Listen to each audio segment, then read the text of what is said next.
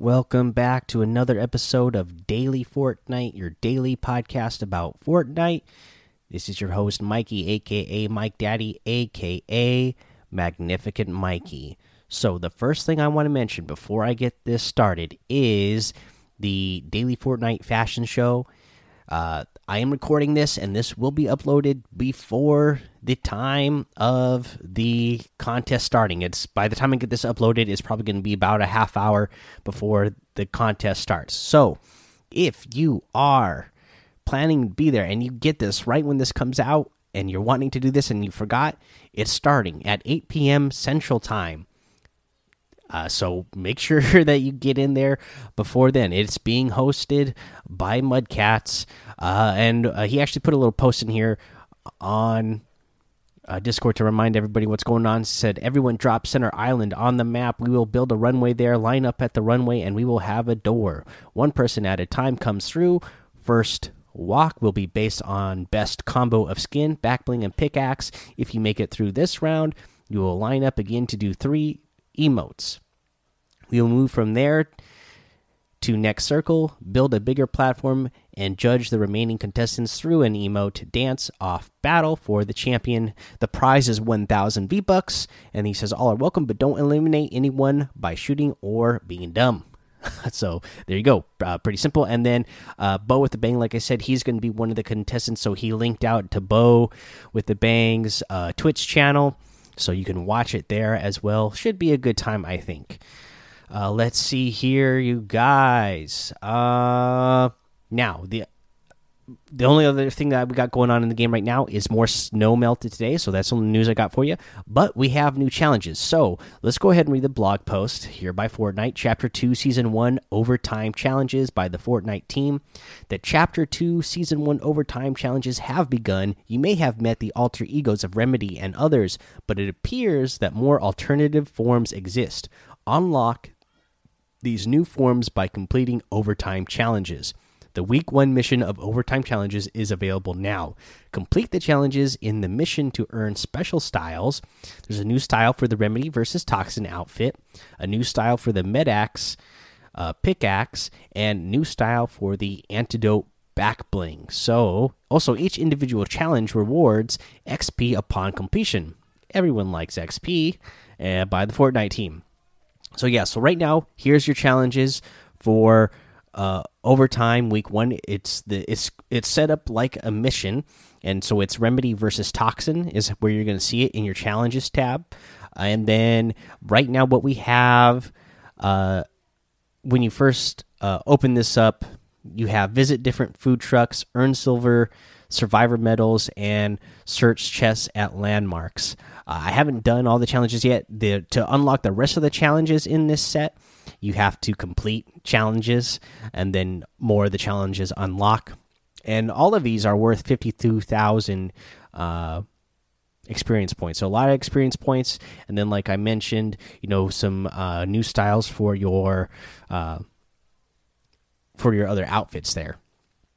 So uh, pretty cool stuff. And i really like this new uh, style for the remedy versus toxin outfit uh, this new style uh, looks, uh, you know, it's probably the it's the it's the best out of the three choices in my opinion. Now, I like the black face mask over her face, uh, the black baseball cap, black leather jacket and pants, uh, purple shirt, purple belt and stuff. It looks good. I really like it. Uh, but let's go ahead. We'll take our break now. We'll come back and we'll go over what's in the actual item shop uh, versus these uh, free items, and uh, we'll do a tip of the day as well. All right, so here's the item shop uh, with some new items once again, and I love both of these. The first one up is the Rustler outfit, Scuff Up Your Boots, part of the Wild Frontier set. Uh, comes with the leather lugger back bling geared up for any range. Uh, so this outfit you know, I feel like we've seen, you know, I like this outfit, but I feel like we've seen a lot of these uh, cowboy, cowgirl type outfits where it's, um, you know, it looks good, but it's starting to feel like, okay, I've seen it before a little bit. But, uh, you know, like I said, overall, I like it. This one, uh, much uh, like the other one, you know, she's got on the Daisy Duke shorts, uh, the the the boots. This one's got a knife on the side of the boot, which is nice. Uh, and then the the the back bling is a nice back uh, leather backpack, like it says. It's got a grenade on it, a pistol, some uh, some shells on it. Uh, let's see here, and then you have the spurred swinger harvesting tool. Move them out. This is a really cool harvesting tool. I really like it. I like the axe, and I like that it's got a spur uh, on it as well. That looks really cool. I actually this looks really sleek. Uh, these are the kind of pickaxes that I like. The ones that look like a real, the ones that look like a axe. Uh, I really like. Uh, let's see here. You have the Wrangler outfit. Round them up and get them moving and then the saddlebag back bling ready for any job. Uh, this guy, uh, pretty cool looking. Uh, I like his sunglasses, backwards cap, so you know he's casual. He's got on the jeans, uh, same type of leather vest, and his back bling is also the same type of thing uh, that the other outfit had. Uh, this one has a couple of, you know, it's just a leather bag with a pistol on it. This one looks like it's like a looks like a water bottle instead, and some magazines for the uh, for the pistol. You have the utility axe harvesting tool, practically irreplaceable, and this is yeah good. Another pickaxe I really like, uh, just really sleek. I like the other one better, but this is a good one too. Uh, we have the Bright Bomber outfit back in here, the Bright Gunner outfit, the Rainbow Smash harvesting tool, which is great, uh, and the bright blimp glider as well. Gotta love all of those things. The whiteout outfit, which is one of my favorites. The sunbird outfit, which is great. The extraterrestrial extraterrestrial emote, the business hips emote, and the harmony emote. We have the new rustler plaid wrap. Uh, you know, I love plaid. I'm from the Pacific Northwest. Uh, gotta love it. so looks cool to me. You also have the Polar Legends pack, Darkfire bundle, and the Wavebreaker starter packs in here. You can get all of these using code Mike Daddy M M M I K E D A D D Y in the item shop and help support the show. Who knows? Maybe if you're hearing this before this fashion show starts, uh, then maybe there maybe you see some good stuff in here that's gonna uh, put in some good combos for you when you head into that uh, fashion show. Okay, now let's talk about tip of the day. So again, like I said, uh, you know, I've been spending more time than I ever have before in creative, uh, practicing, and uh, now that we have access to Zone Wars and making it easy to get into Zone Wars and play with other players, I've been playing that a lot more as well. And here's something I'm going to notice about you know putting in practice in creative and then going into Zone Wars, and something that I see other players doing that uh, it's great uh, you know, if you're just wanting to be the last person standing and get a win in Zone Wars, but it's not so great if you're actually trying to get practice in and get better.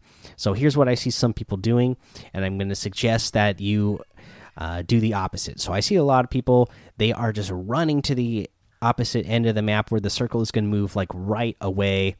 You know, they're not engaging in any battles until, you know, they absolutely have to when, when the circle when everybody else in the circle is move on top of them when maybe there's only one other person or two other people left and they've just uh, especially there's one i can't remember the name of it but it's some sort of like snow hill mountain type of level right now where the circle moves the same way every time. And uh, you know i see some people just running to the bottom of that hill getting way out there ahead and then just waiting for everybody to come to them if you're actually wanting to practice uh, you know and actually get you know mechanically better at the game, uh, you you know you should be. Uh, you know, not worried as much about the win in this mode as more, you know, using a mindset as this is a, an arena to truly test uh, the skills that I've been practicing, uh, against other players, building and editing, and uh, you know, getting in these confrontations with other players rather than trying to avoid them. When you're in the game, like I said, that's a great idea to avoid